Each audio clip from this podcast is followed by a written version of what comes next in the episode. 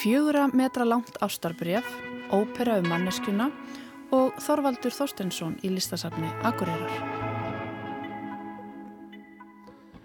Við förum í heimsókn í listasafnið á Akureyri en yfirleitt síning á verkum Þorvaldar Þorstenssonar var opnuð þar um síðustu helgi.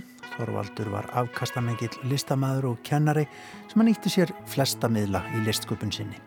Auk þess að fást við myndlist samti Þorvaldur skáldsögur, leikrit, ljóð og tónlist og varð landstæktur fyrir Vasaleikúsið sem flutt var í Ríkisútarpinu 1991. Um aldamóti 1900 skrifaðist ástfangið par á á milli Íslands og Kaupmannahafnar. Óbemberlega voru þau ekki par en hrifning þeirra á hvort öðru fyrir ekki á milli mála í brefunum sem þeirra fór á milli og sem varfitt eru í dag á Kvennarsögursafninu í Landsbókasafni Íslands. Í desember árið 1900 bað Guðrún Lárustóttir heitmann sinn Sigurbjörn Á Gíslason að senda sér langt bref næst. Hann svaraði elskunni sinni með fjögura metra löngu brefi og við ætlum að skoða þetta bref í þætti dagsins. Það lítur öðrufallet. En við heyrum líka af samtíma óbörnu ekkert er sorgleira en manneskjan sem að frumsýnd verður í tjarnabíói á sunnudag. Viðfangsefni þessa glænýja verks er Hamingjan og fálmkend leit manneskjunar að henni. Tónskaldið Fridrik Margreðar Guðmundsson og leikstjórin og textahöfundurinn Adolf Smári Unnarsson verða gestir okkar hér á eftir. En fyrst fyrir við til Akureyrar. Bergsveit Stefánsson Þakka þér fyrir þitt framlag til menningar og lista. Einar Helgason Þakka þér fyrir þitt framlag til menningar og lista. Hergeir á mýrinni Þakka þér fyrir þitt framlag til menningar og lista. Helga Magnúsdóttir Þakka þér fyrir þitt framlag til menningar og lista. Það má segja að listamæðurinn Þorvaldur Þorsteinsson sé komin aftur heim en yfirlitsýning á verkum hans opnaði um síðustu helgi á listasafninu á Akureyri og síningastjórar þessara síninga eru Ágústa Kristófersdóttir frá Hafnaborg og Guðrún Pálina Guðmusdóttir frá listasafninu á Akureyri en þessi síning er samstarfsverkefni þessara tveggja stofnana. Ef ég byrja bara þér Ágústa, hvað svona lögðu upp með fyrir þessa síningu? Við lögum svolítið upp með að horfa á líkilverk á ferli Þorvaldar. Uh, hann starfiði sem listamæður frá því á nýjunda áratögnum og þannig að hann lést árið 2013. Þannig að þetta er nú heil mikið magna verkum sem að, að liggur eftir hann. Og við ákvaðum að velja svona kannski verk sem að uh, fólk þekkti og, og hefði skipt máli á hans ferli. En svo er það þannig með mörg verka Þorvaldar að, að, að þó þau hafi verið sett upp að þau eru þau ekki endilega til. Þannig að það þurfti að vinna svolítið í því að finna út hvað veri til en þá hvað veri hægt að búa til aftur. Mm. Og það stjórnaði svona þessu. Og svo fengum við mjög góða hjálp frá henni Helinu Jónsdóttur, ekki Þorvaldar, sem sér um dánabúðans og hún eh, lánaði mjög mikið af verkum, ný, nýri verkum Já. á síninguna. Verk sem að hafa aldrei sérst áður ofinbarlega, er það ekki svo? Já, eða allavega mjög lítið þannig, og ekki á Íslandi. En hann vann mikið svona í tengslu við bara nærsamfélagið og já, hann var akureyringur og hér má einmitt sjá uh, svona akureyriskar tengingar. Pálína, við stöndum hérna fyrir framann verk sem er svona eitt af kannski hans líkilverkum. Já, okkur finnst það allavega að þetta er allavega líkilverk á akureyri og líka þegar kemur að mentun almennt. Þetta heitir Akademjur og hann gerði þetta 1996 þegar hann var með stóra síningu í öllu listasafninu hérna og vann mikið út frá sagt, bæjarlífinu, einstaklingnum, samfélaginu og, og því samspili. Og hann valdi fjórar uh, verslanir sem voru uh, gamalgrónar í bænum og uh, þannig bara einn sem er ennþá jóðum jóð en skósmiðurinn Dóri og hólabúðin er ekki lengur en fróð er líka en þá uh, bókabúðin með uh, gamlar bækur en það er komið nýr eigandi, mm. allavega rekstrar aðili. Já. Og í þessum akademíum þá let hann eigandurna hafa uh, einnóta myndavilar og þeir áttu að mynda viðskiptavinni sem kæmu á einhverjum ákveðnum tíma og það er ekki allt alveg sama á öllum spjöldunum sem gerir það spennandi en þetta er sett upp eins og hefðbundin gömul skólaspjöld og þar vísar þetta í sagt, mentastofnanir en svo er líka akademíur eða akademía er gamalt gríst orð yfir það að koma saman og afla sér þekkinga en við þekkjum akademíu meira sem háskólasamfélag. En Þorvald var rosalega áhuga maður um mentamál og, og hann ætlaði að stopna sér mentastofnun á samt Ólafi Stefánsinni handbóltamanni og eh, hann var búin að vinna mikið alveg eh, hérna grunnvinnuna af þessari mentastefnu sinni og hann var mikill og góðu kennari Þorvaldur og hafði gríðarlega áhrif á fólk og hann var gaggríninn á þessa hefbundu mentun sem við fáum og hann hafði alveg efni á því að gaggrínana því hann var feikilega velgefin og mikill námsmaður og gekk mjög vel bæði barnaskóla, gagfræðaskóla og mentarskóla og í háskóla og hann var náttúrulega sérlega færi í íslensku en honum fannst ofmikil áhersla lögð á viðtengingarhátt og ýmsa svona hluti í staðan fyrir kannski meira sjálfstekking og hver, hver manneskjan er og hver hennar leið væri farsælust fyrir hana. En í þessum verslunum kom fólk saman, kannski aðalega kallmenn, og rættu málinn og skiptist á skoðunum og mynduðu tengsl og, og hérna afliðu sér örglega þekkingar á allavega staðháttum í bænum og það var misjant hver sótti á hvert stað sko. Þeir sem komu voru fastakunnar í spjalli á skósmiðnum er ekki þeir sömu og voru í bókabúðinni eða, eða hólabúðinni og svo jóðum jóð þar sem að menn voru aðalega náttúrulega hugsa um útlitið og, og endingar góð og smekklega fött, kallmanna. Já, svo sér maður hann, hann lauma sér sjálfur inn í verkið og fóreldrar hans, sýstir, það er svona, já, maður sér hann þarna. Já, það er svo skemmtilegt, ég segi stundu það minnir á Hitchcock þegar hann laumaði sér einstakar sinnum örskama stund inn í kvikmyndirna sínar. En hérna það sem að gera þetta verk svo vinsalt á allavega hérna á Akkurir, það sem ég sé í sapfræðslunni, það er að fólk tengir náttúrulega ekki bara við staðina heldur við fólkið og menn þekkja marga þarna eða, og meir sé að börnin þekkja þarna ömmu sína eða afa eða einhvern ættingja og verða voðalega glöð og fullorðnir líka sjá mm -hmm. bæði sjálfa sig, sumir og einhverja sem kannast við úr bæjarlífinu. Það er aldrei slognið í dag. Já. Hæ? Vandar ekki lognið á okkur í? Ég er mjög þakkláttur fyrir íhaldsemina sem ég ólst upp fyrir hérna. Já. Ég er þakkláttur fyrir tungumálið sem ég ólst upp fyrir hérna í, í móður og föðurhúsum og í skólanum. Fyrir ekki íhaldsemi, þá erum við líka að tala um treyð, er, er það ekki? Jú, það, í, jú, sko, það er ákveðin, það, það er virðing. Það er trygglind í bænum. Já, það er, já, ég getur sagt að það sé, það er ákveðin virðing fyrir, fyrir því sem að það, við stöndum fyrir hérna. Menn, menn vilja svona já, standa við sitt sko, standa með sínum bæ og allt það og ég, ég hef notað það sem svona nánast sem leik sko fyrir mig að, að vera akkurýringurinn svona útafið, mér finnst það svo skemmtilegt að, að vera svona tryggur akkurýringur mm -hmm. þó ég hef ekki búið hérna í yfir 20 ár En Ágústa, þú ætlar að tala hérna um annað verk á síningunni Já, hér erum við komin að öðru verki sem að líka hefur þessa svona samfélagslegu tengingu. Þorvaldur hafði áhuga á fólki og því sem fólk var að hugsa og gera og fást við. Og þetta verk sem byggir á þeirri hugmynd að listamæðurinn spyr eh, einstaklinga hvað þeir ætla að taka með sér ef að heimilið þeirra verður fyrir eldsvoða. Og margir svara því að þeir ætla að taka með sér fjölskyldumyndirnar eða kannski fyrst fjölskyldun og svo myndirnar. Eh, en það voru líka einstaklingar sem svöruðu þessu þannig að þeir ætla að taka einhverja ákveðna hluti og oft bara sérstakar hluti, eh, kannski skeið eða bánsa, bækur, eitthvað þess aftar. Það fannst honum sérstaklega áhugavert og að hugsa um þessa hluti sem dýrgripi sem að skipt þetta fólk þá svo miklu máli að það var tilbúið til þess að leggja lífsitt jáfnvel ákveðna hættu til þess að bjarga hlutum úr eldsvoða. Nú í söpnum þar sem Þorvaldur var að sína og, og hérna að þá eru náttúrulega dýrgripir í sapgeimslunum og það, er, eru dýrgripir sem eru sko staðfestir af hennu ofinbyrra og varðir með lögum og honum fannst áhugavert hvort að veri hægt að leggja þessa dýrgripi að jöfnu. Þannig að í verkinu verkaskipti að þá koma einstaklingar sem eiga svona dýrgripi, þennan bánsa sem við sjáum hérna, handskrifaða bók og ljóðabók síðan, að þeir koma í safnið og fá að velja sér verk úr safnegninni sem þeir fá að hafa heima hjá sér á meðan safnið fær að hafa þessa hluti hér á meðan á síningunni stendur. Og við leggjum í raun og veru virði þessar að tveggja hluta, listaverksins annarsvegar sem að hefur þennan ofenbæra stimpil að vera dýrgripur og svo dýrgripana frá einstaklingunum að jöfnu. Þetta sé jafn mikils virði.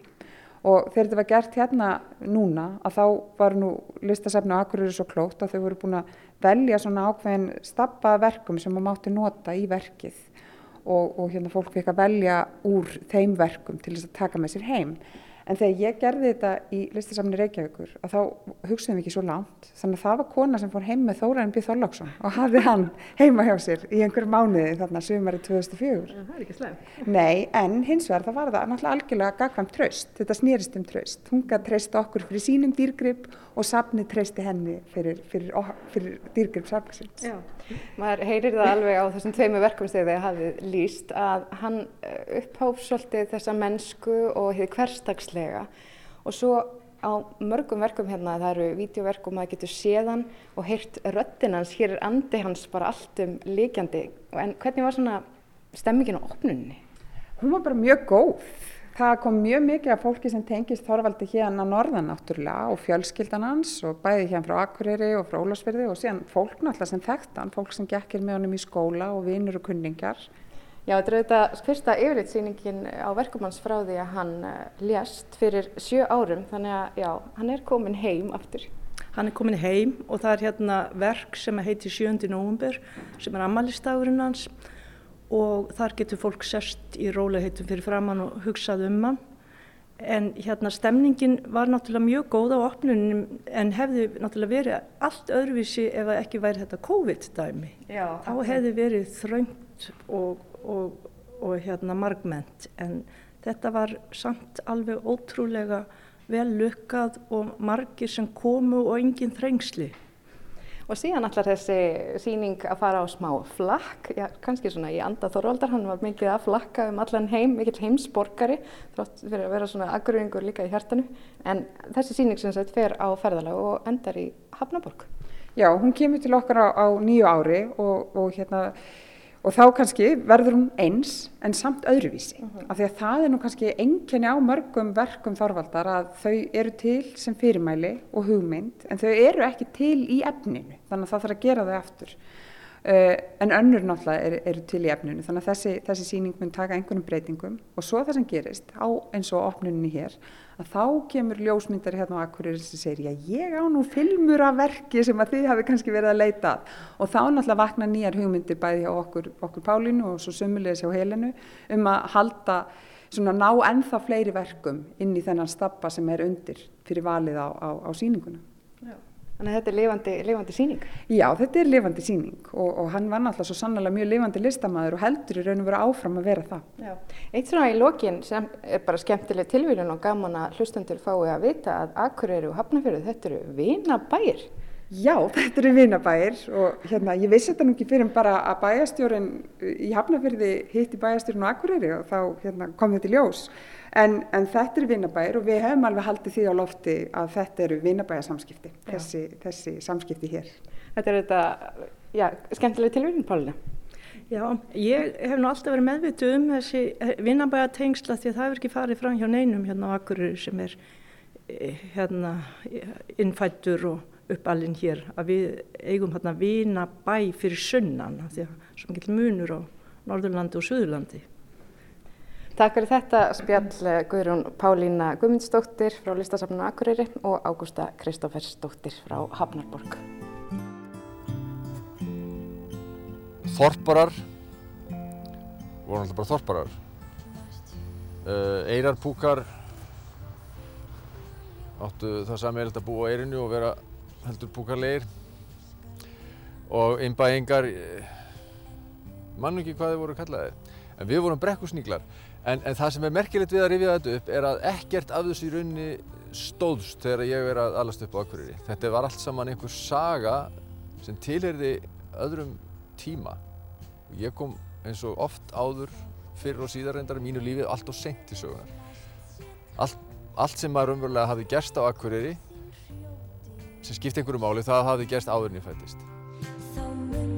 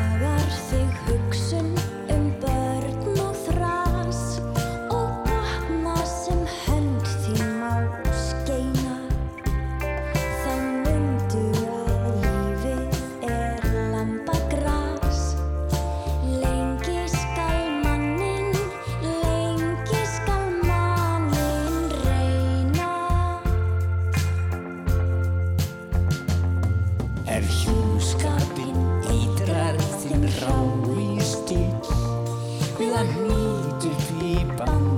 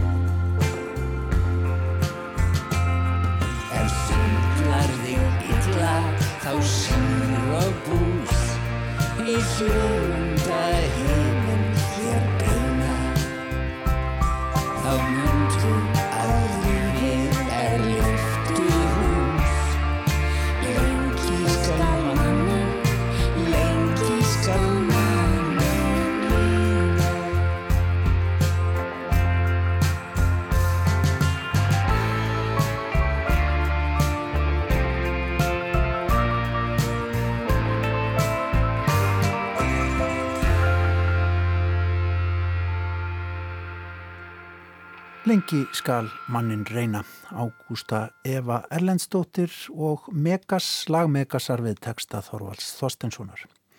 Það var Gíja Holmgjörnsdóttir sem að fór í listasafnið á Akureyri og rætti við Ágústu Kristófersdóttir og Guðrunu Pálinu Guðmundsdóttir. Það eru síningastjórar, yfirleitt síningar um Þorvald Þorstensson í listasafninu í höfustad Norrlands. En við ætlum yfir í eitthvað eila falletið ekki alla. Jú, við ætlum að fara aðeins aftur í tíman. Um aldamótin 1900 skrifaðist ungt og mjög ástfangið par á á milli Reykjavíkur og Kaupanafnar. Þetta voru þau Guðrún Lárusdóttir og Sigurbjörn Á Gíslason en þau áttu síðar eftir að gifta sig í Reykjavík og eignast saman tíu börn. Í desember árið 1900 bað Guðrún Sigurbjörn um að senda sér langt bref næst. Hann svaraði kallinu og sendi henni bref sem hann hafi límt saman svo það spannaði fjóra metra. Sigurbjörn sagði brefið vera það langt að það geti faðmað hana þar sem að hann var ekki aðstöðu til að gera það sjálfur. Ég leit við í þjóðabáklöðinni og rætti þar við Rakel Adolfsdóttur, sapstýru Kvennasögursaps Íslands um þetta lengsta ástarbref Íslandsögunar, allavega sem vitað erum. Þá er ég komin hingað á Kvennasögursapnið sem er staðsett á fyrstu hæð í þjóðabáklöðinni. Ég er hinga komin til að kíkja á örgulega lengsta ástarbref sem að geimist hér á safninu, er það ekki? Jú, klárlega. Þetta er lengsta bref hér á, á Kvennasögu safni bara almennt. Eru þá að tala um í bókstafleiri lengd eða líka bara uh, lengsti tekstin? Já, það er góð spurning. Ég held bókstafleiri lengd, bæði bókstafleiri lengd og lengsti tekstin. Já. En ég, eftir að, ég hef ekki mælt reyndar önnu bref að þetta bref er sagt, frekar þund. En hérna, það er mjög langt en ekki mjög breytt. Ég nefnilega heyrði af þessu brefi og ég er svo spennt að sjá það. Þú ert komin með ösku hérna. Já. Hér erum við með, með ástabrifin frá honum til hennar. Og hér er þetta í örsk 17. Svo getum dreyið þetta svona upp. Þetta er svona svo lítil harmoníka. Vá. Svo er þetta þjætt skrifar uh, á nokkrum tungumálum uh, yfir uh, nokkra vikna tímabill. Já, leggja þetta inn á borðið.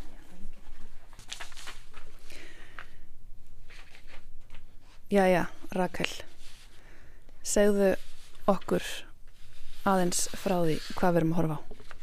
Hér eru við með bref Sigur Bjarnar Gíslasonar til Guðurnar Lárusdóttur eh, skrifað á sem sagt í desember 1900 og yfir áramótið 1901 þannig að þetta er 120 ár síðan og aldamóta skipti um, hann er stattur í Dammörku og þau, þeir ganga mörg bref þeirra milli og hún byður hann um að skrifa langt bref næst og hann svara svo sannlega kallinu og, og límir saman fleiri, fleiri blöð og gerir, um, já, önnu hliðin er rúmur tveir metrar og þá hinn hliðin líka. Þannig að yfir fjagra metra langt ástabrif til hennar. Þannig að brefin eru skrifuð yfir mánadar tímabil, aldamótin og svo límir hann þau saman. Já, akkurat, þetta er já, 1900 til 1901 og svo límir hann þau saman og hann spyrir hérna, elskan mín, áður en ég geng til kvílu ætla ég að efna þér, nei að skrifa þér nokkra línur. Þú baðst mig um að senda þér langt bref. Þetta bref var nú að verða það í orðsins fylgstu skilningi. Og svo skrifar hann það nokkrum tungumálum. Já, það er svona galsi í þessu. Mér skilst þess að ég hef ekki alveg náðu að lesa það allt. Því miður, þetta kom bara hérna inn í vor til okkar til varðeislu og hafði áður verið í, hérna, hjá fjölskyldinni. En þetta er allavega, ég sér dönsku og ennsku og allir sér ekki þíska líka. Þannig að þetta er svolítið skemmtilegt og þetta íslensku mest. En galsi er einmitt rétt orði. Það er alveg skemmtilegt að ímynda sér að þetta hafi verið ungt ástfangi par fyrir 120 árum síðan og þau eru að skrifast á og um, hún byrður hann um að skrifa aðeins lengra bref næst og hann bara hlýðir kallinu og skrifir fjögur að metra langt bref. Akkurat, þetta hefur verið svona kært á millið þeirra þau eru bara rétt yfir tvítugt og eru þarna að, að ég held í leinilegum förstum.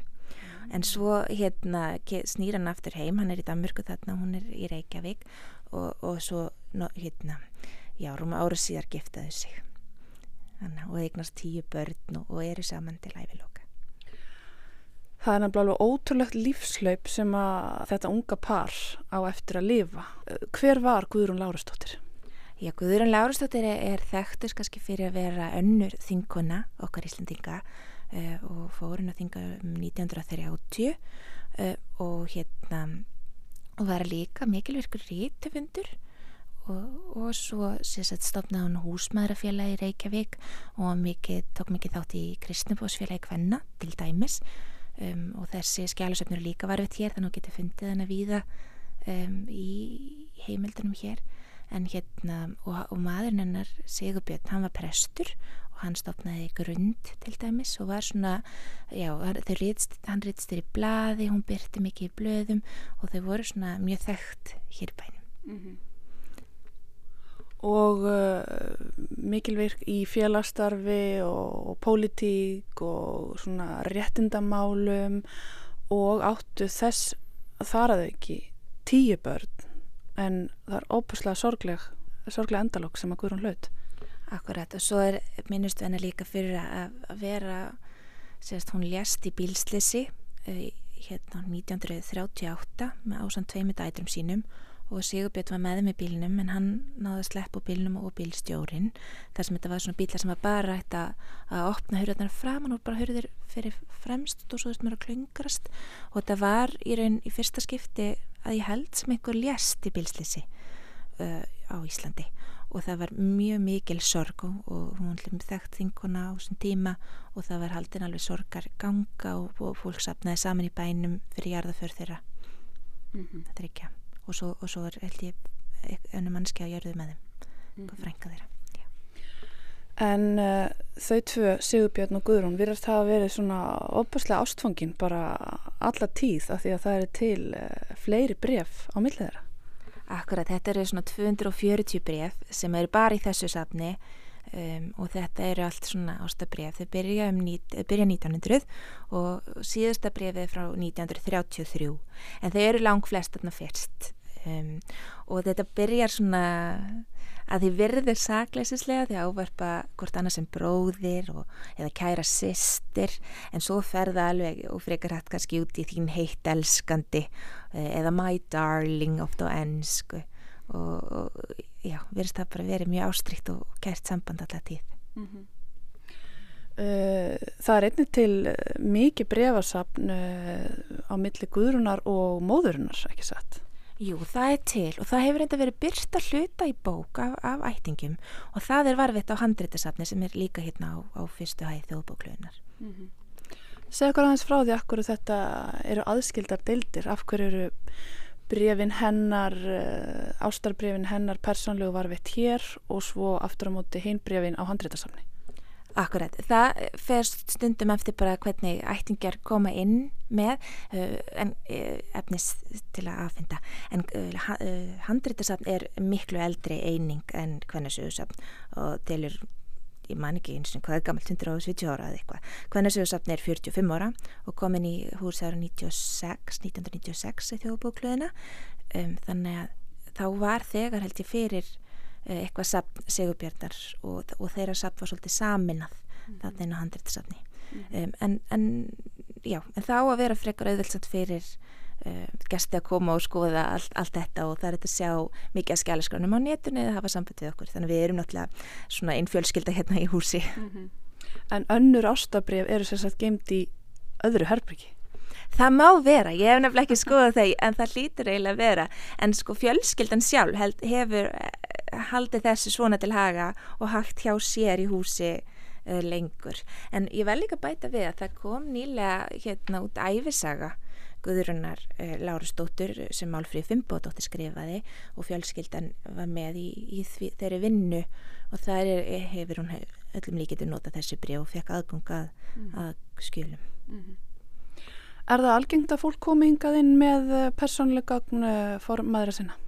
Já, það er það. Það mætti vera algengara. Ég vil bara, ég vil hvetja alla til að koma með öll skjöl sem þau vilja og hafa bara samband. En jú, sem betur fyrir en þetta svona mörg bref og svona gömul, þetta er ákveðin himnasending mm. sem meira sér allt í hennu byrstist bara á skrippborðinu í vinninu minni eftir ég var búin að vera stúsa staðins og svo allt inn tók ég eftir þeim þá hafði sérst ætti ekki komið í fjárveru minni og skilið þetta eftir á borðinu. Þannig að hérna Já, var, já, við tókum ákveðu svona fagnar stökk þann dag. Varstu búin að heyra af, af þessu sérstakka brefi áður en þú opnaður öskjuna eða komið það óvart?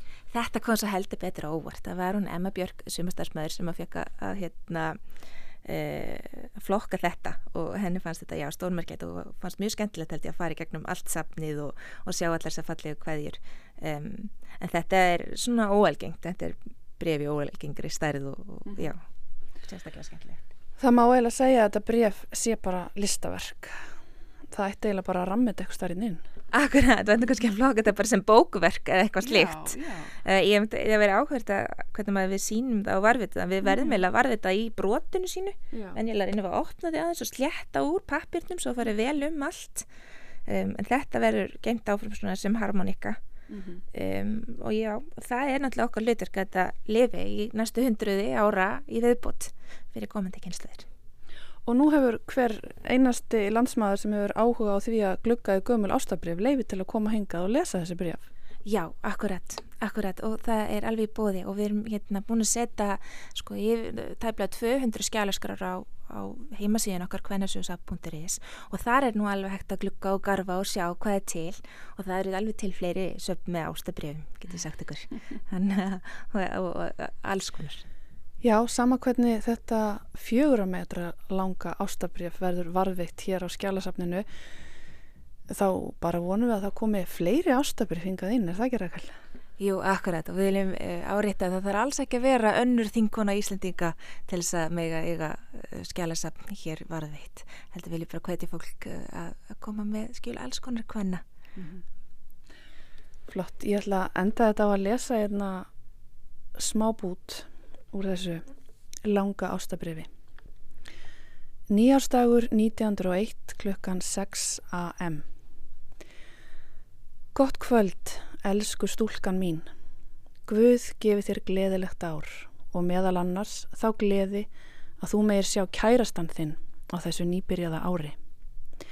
Gamla árið er liðið sem hefur verið undarlegt ár og blessað ár að svo mörgu leiti og efnisríkara en nokkuð annað ár sem ég hef lifað. Langtur á milli okkar núna um áramót þótt huganum sé það ekki og vonandi verður skemmra á milli okkar við næstu áramót. Hvar skildi annars verða að ári um þetta leiti? Í Reykjavík eða út á landsbyðinni heima?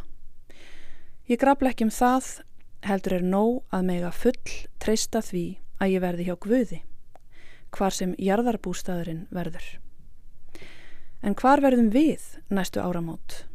Beinin okkar kvíla þá hvor við annars lið, vonandi einhverstaðar á Íslandi.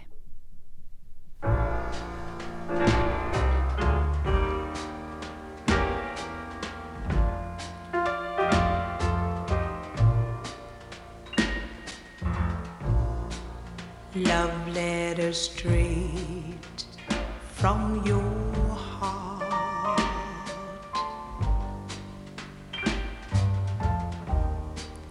Keep us so near while apart.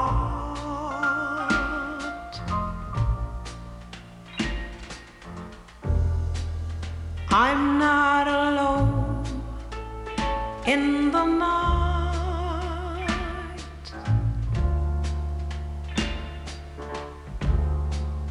When I can have all the love you write.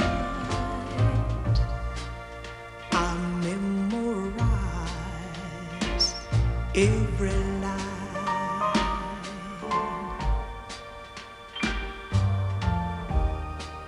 And I kiss the name that you sign.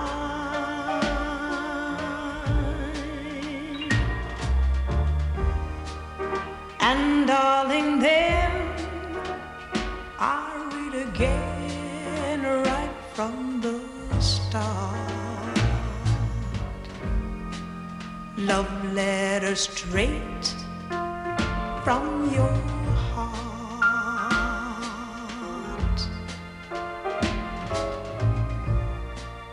I memorize every line.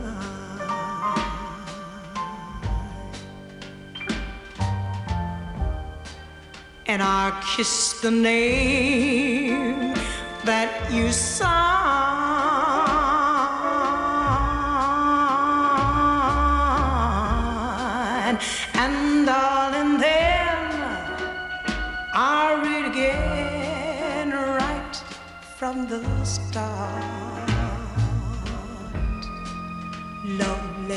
Letter straight from your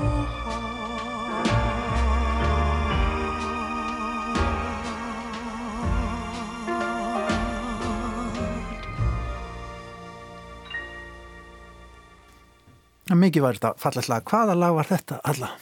Þetta lag dætti niður á, á áðan þegar ég var að finna ykkur góða tónlist sem fjallar um ástarbref og þetta er hún Kelly Lester Já. og lagið kallast einfallega Love Letters og er frá árunni 1961 og þetta var hennar mesti hittari Já. eins og sagt er það árið vemdi efstu sæti allra lista árið 1962 í bandaríkunum. Ægilega hugulegt. En það eru margir sem þekkja þessa konu annars það frá. Hún var nefnilega eina af aðleikonunum í húsið á sléttunni. Já. Já. Þeim góðu þáttum. Maður var nú aln upp með bara. Já, sumir hverjir. Já, mannst ekki þetta þeim? Nei, ég reyndar horfði aldrei á það. Já, já. Ég var alveg limtur yfir þessu. En þá var allt öðruvísi tónumguðni. Já, allt öðruvísi. Eh, Hamingjan og fálmkend leit manneskunar að henni er viðfangsefni nýrar íslenskrar samtíma óperum eftir tónskáldið Fridrik Margreðar Guðmundsson en það er Adolf Smári Unnarsson sem að semur tekstana í verkinu þannig eru fjórar manneskjur sem að ráfa um og verki verið sínt í fyrsta sinn á sunnudæn í Tjarnabíu ég hitti þá Fridrik og Adolf Smára og baða á um að segja mig frá Fyrsta skrek, anda út Og stíðu hæri fæti fram milli handa þinna svo metið verði í beinni línu við hæð. Haltu vinstri fótlegg þínum sterkum og traustum. Annars skrek, andað inn.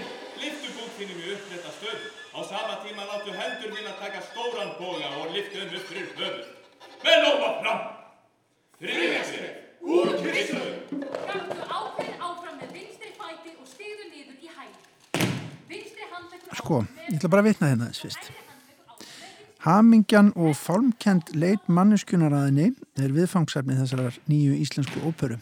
Að hanga beina en ekki stífa. Tónskaldið mætt til okkar Fridrik Margreðar Guðmundsson og leikstjórin Adolf Smári Unnarsson.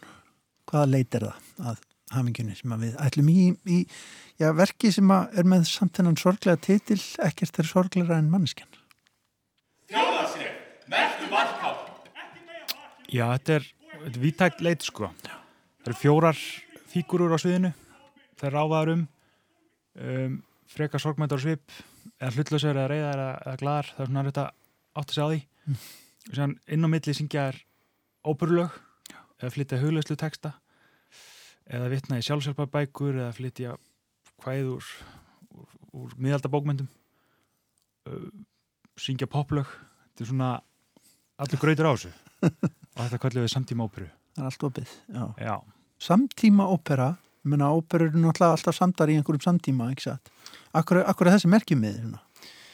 Já, er það ekki bara einmitt það, ég hann alltaf verið að setja upp óperur Mhm. en, en bara alltaf að greina það frá óperum sem eru samtar í dag og óperum klassíkurinnar Mm. Þetta segja aðalega það en, en sko, já ópera er alltaf bara ópera sko Mhm. kannski er það bara eitthvað svona óttið við okkur að vera upp gamla óperu þetta er að vera samtíma ópera Já. sem er mjög, mjög mikilvægt fyrir okkur myndi ég segja Vil ég fjarlægast þessu? Já, ekki beint fjarlægast, bara eitthvað svona þú veist að já, verkið okkar er sami inn í þennan samtíma Mhm. sami með okkur núna um, þannig já, menna og við, menna, þetta er, þetta er postdramatísk ópera.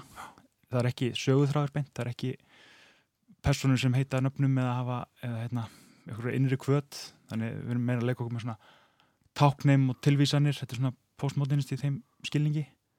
Og hérna þannig já við erum að leika okkur svona með ímsa þætti í verkinu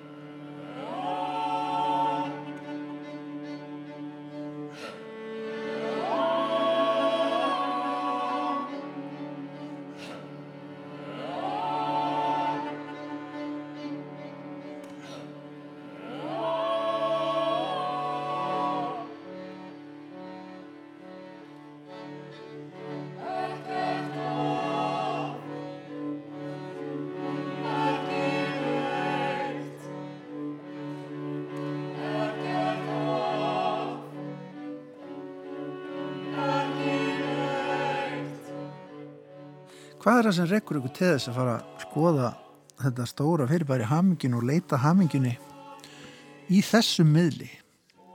Sko, eru þið uppteknir af hamingjuleitinni alltaf dag? Við erum það kannski öll.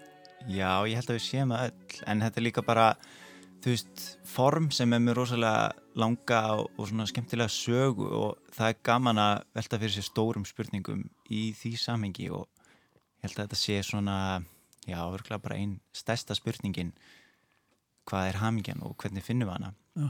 og það er líka svona eh, út af því við erum að leika okkur svona mikið með með svona kanónunar bæði úr, úr bókmentum og tónlist og svona þá gaman að einhvern veginn vera með form sem hefur verið e, svona stert svona lengi og þá getur maður einhvern veginn gripið í það svolítið, gripið niður, Mhm. niður í söguna Getur þú nefnt okkur dæmi um þær vísanir sem þú grípur til? Já, það er sko, það er rosa mikið af kirkjutónlist í þessu sem er náttúrulega líka ákveðin leikur að einmitt óperan og kirkjutónlist nú kannski verið svolítið svona tvent, svolítið tvær greinar Aðskilið, svolítið aðskilið. Að, en það er náttúrulega líka bara vísun í leitina hamingjunni og stóra spurningun um, um tilgang lífsins og, og hérna, það trúin spilar svo stertinn í það, þannig að við erum svona svolítið að vinna með að taka kirkjutónlist og snúa svolítið upp á hana og svo erum við einnig náttúrulega bara að taka sko já, uh, grípum hérna niður svolítið í svona koma, koma vinklarinn í 20. stöldina og kannski svona klesjur sem við, svolítið, sem við þekkjum það nú tónlistasögunni og, og svo svona alveg inn í eitthvað svona meira svona nútíma minimalist, raftónlistar og, og ég vil allavega hafa, hafa tilhörun mín að reyna svolítið að blanda þessu saman án þess að vera eitthvað svona of mikið on the nose á, á hlutunum bara, bara hérna, já, þetta, þetta tekur innblástur Já, í það. svona laustengt kannski. Já, svona laustengt.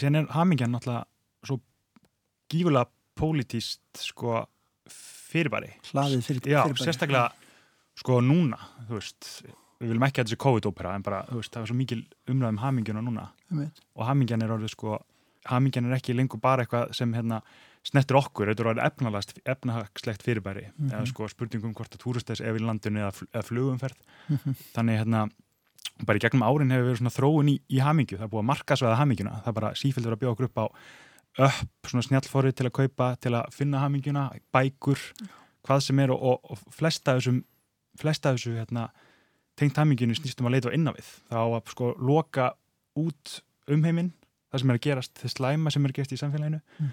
og við getum sko lækna það með að leita inn á við og loka sko fyrir allt annað en, en, en þetta er allt okkur við getum lagað þetta sjálf innræð með okkur Mhm. Samt treystum við og leitum í þennan hamingju yðnað í rauninni sem álega kalla það. Þetta- Já, að komið með lausnina fyrir mig. einmitt og hérna, við skal borga eitthvað smá pening fyrir það og hérna Og þá líður mér kannski betur líka. já, En- já. og það er kannski einhver einræðisera í landinu eða hérna kreppa eitthvað, en þá get ég allavega að laga það innan með mér og þetta er náttúrulega svo áhugavert og, og textanir, ég get náttúrulega ekkert sagt um tónlistina, ég er bara leikstjórun og hérna textaskáldið, en hérna við erum að taldi að grafa í þessum ruslahaug sko tungumálsins, Mhm. varandi hamingjuna Mhm. og það er gífurlega til mikið af náttúrulega bara búið að skrifa svo mikið um hamingjuna bæði sko í, úr f- fortextum bara fálmkend leit mannsins að hamingjuna er bara viðfangsefni allra bóka, það er bara maður sem leitar að hamingjunni og það er eitthvað sem hindrar hann og þetta stef bara fylgjur okkur til dagsins í dag Já. bara, það er engin munur á hérna, uh,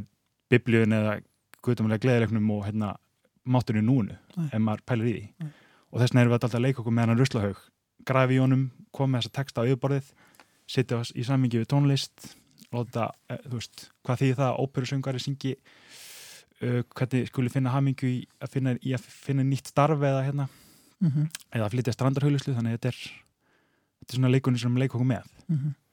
En sko, hva, í hvaða veröld erum við vegna þess að þið nefni fjórar ráfandi manneskjur á sviði, maður fyrir einhvern veginn strax bara eitthvað í hálf, hálf be- bekkedískar hérna, stellingar sko. Uh, hvaða veröld er þetta sem við erum stödd í í verkinu? sko, gamnum, Og hvaða fólk er þetta? Sko, Beckett, þetta er einhver svona menna, í, í, í þessum absúrt leikur þetta menna alltaf eitthvað svona þau eru först eitthvað staðar Mhm. og menna, það gerist bara hérna, að, heimurinn verður fastur við festumst öll, við það loka allar flugum fyrir fl- loka allar hérna, flugstöður og lestastöður og við þurfum bara að vera heima okkur Mhm. þannig við erum öll búin að vera í einhver svona einhvers konar uh, Beckettiskum veruleika að býða eftir einhverju heima hjá okkur bara Býð eftir normalinu. Já, ha, bara öll heimsbyðin þannig að það er bara merkilegt ekki það að ég hafa eitthvað sögð við því sko, hvað fólk hefur verið að gera heima á sér Nei.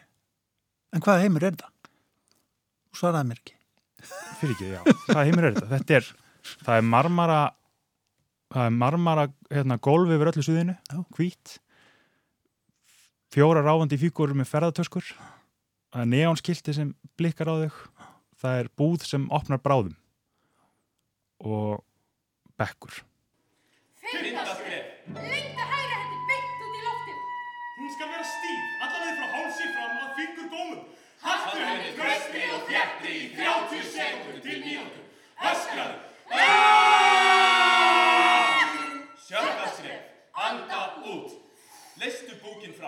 hendinni til gólsins og með annari útöndum stigðu í hægri fót.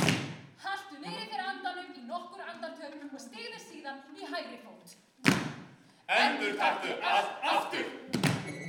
Fyrsta skref, anda út. og eins og ég segi sko, þú veist, þetta er, þetta er náttúrulega þessu hugmyndafræði post-dramatíkarnar við erum ekki að við erum ekki að bjóða okkur upp á sögu eða personur eða, hérna, eða aðstæður Mhm. við erum bara að bjóða upp á, þú veist, þetta er tákneimur þú myndaði bara sjálfur þína skoðun Einmitt.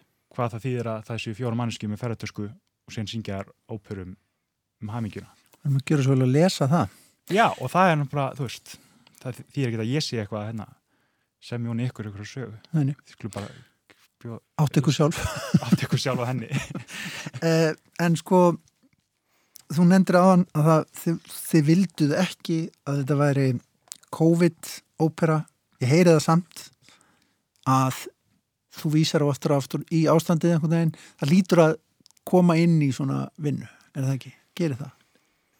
Jú, er það ekki? Ég meina, maður er ekki alltaf einhvern veginn að, að líta á samfélagið og, og skilgrana. Ég held samt að við sko, já, ég held að það sé freka bara að við erum að taka á, á spurningum og, og COVID einhvern veginn var bara mjög viðegandi svona inn í það án þess að, án þess að snert eitthvað umfjöldunar við óperunar. Ég held bara að COVID hafi svolítið kjarnað hluti í samfélaginu sem að voru nú þegar til staðar. Já, og þið voruð að fara að kanna. Já, Já, einmitt, þetta er aldrei merkilegt því að sko bara, bara við byrjum að vinna svo óper fyrir árið síðan Mhm. þegar COVID var ekki hlutur þá vorum við hérna e, nýbúinur að vinna saman í útskriftherskinu mínu í listaháskólanum það sem Vá er fjall og við erum að það var svona við fyrir kynum staðar og síðan viljum við halda fram að vinna og upp á sko leit míns í textanum er bara að, að hérna, þegar hérna allar þessar Boeing flugvilar eru kyrsettar Já. ég fer þar að rannsaka það fer að skoða bara svona skjöl það svona, gerður massa, massíf rannsók bara um bara misferðlega þessa fyrirtækis Já. en einhvern veginn síðan þegar uppáspunkturinn er bara einhverja nokkra flugvilar eru kjurrar þá hérna uh, nokkrum mánum síðan er bara allar flugvilar Já. skilu, þannig ég veit ekki hver dæmis henni þessu bara að samfélagið er alltaf að endurtaka sig Já. og alltaf, það er alltaf að gerast það einhvern veginn og við lærum aldrei og þannig, já Þa- þe- þe- Þetta virkar alltaf eins og þið séuð í einhver svona yfirskoðun á samfélaginu en þeir eru samt náttúrulega í því persónlegast af öllu persónlegu, ég menna það er bara svona hamingja mannsins Já. Það- einstaklingsins á ég Já.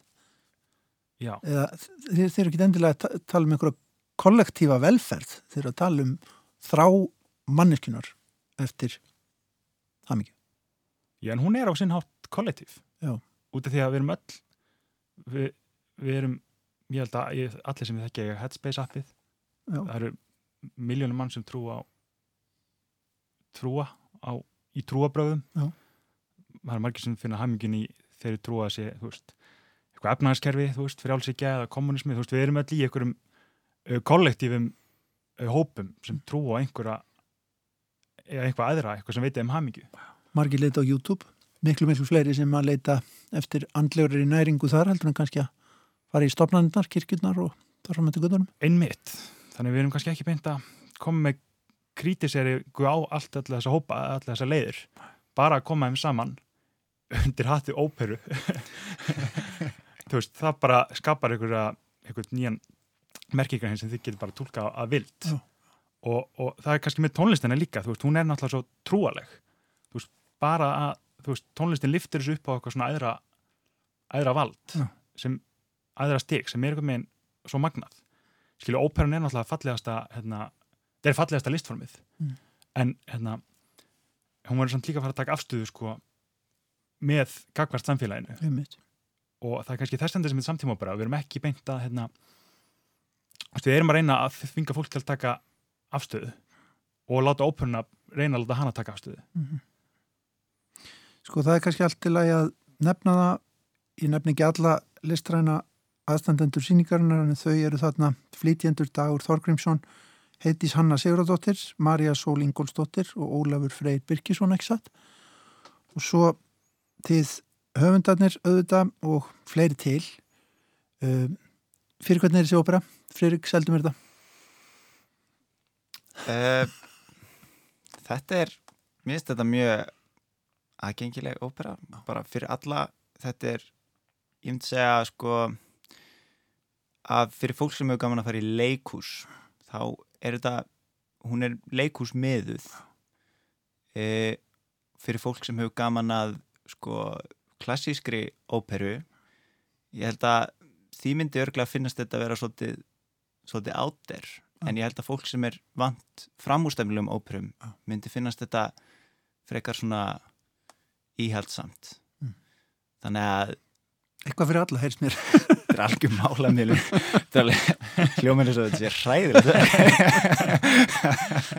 það verður eiginlega bara að hérna, komi ljós, við bendum á þessa, ég er alveg vissum að það er ekki sko, en, en hérna, við bendum á þessa óperu, spennandi óperu ekkert er sorglera en manneskjan í Djarnabíói, þeirra frumsýna á sunnudaginn, ekki satt? Jú. Ég sé bara gangu vel á síðustu metrunum. Takk fyrir. Takk fyrir.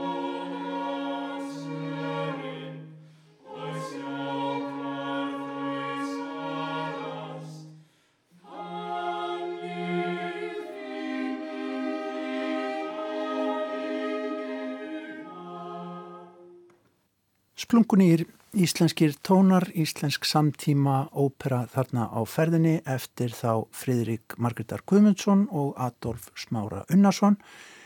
Hamingjan, auðvitað, eitthvað sem við leitum öllað, en verkið, ekkert er sorglera en manneskjan verður frumsýnt í Tjarnabíói núna á sunnudaskvöld.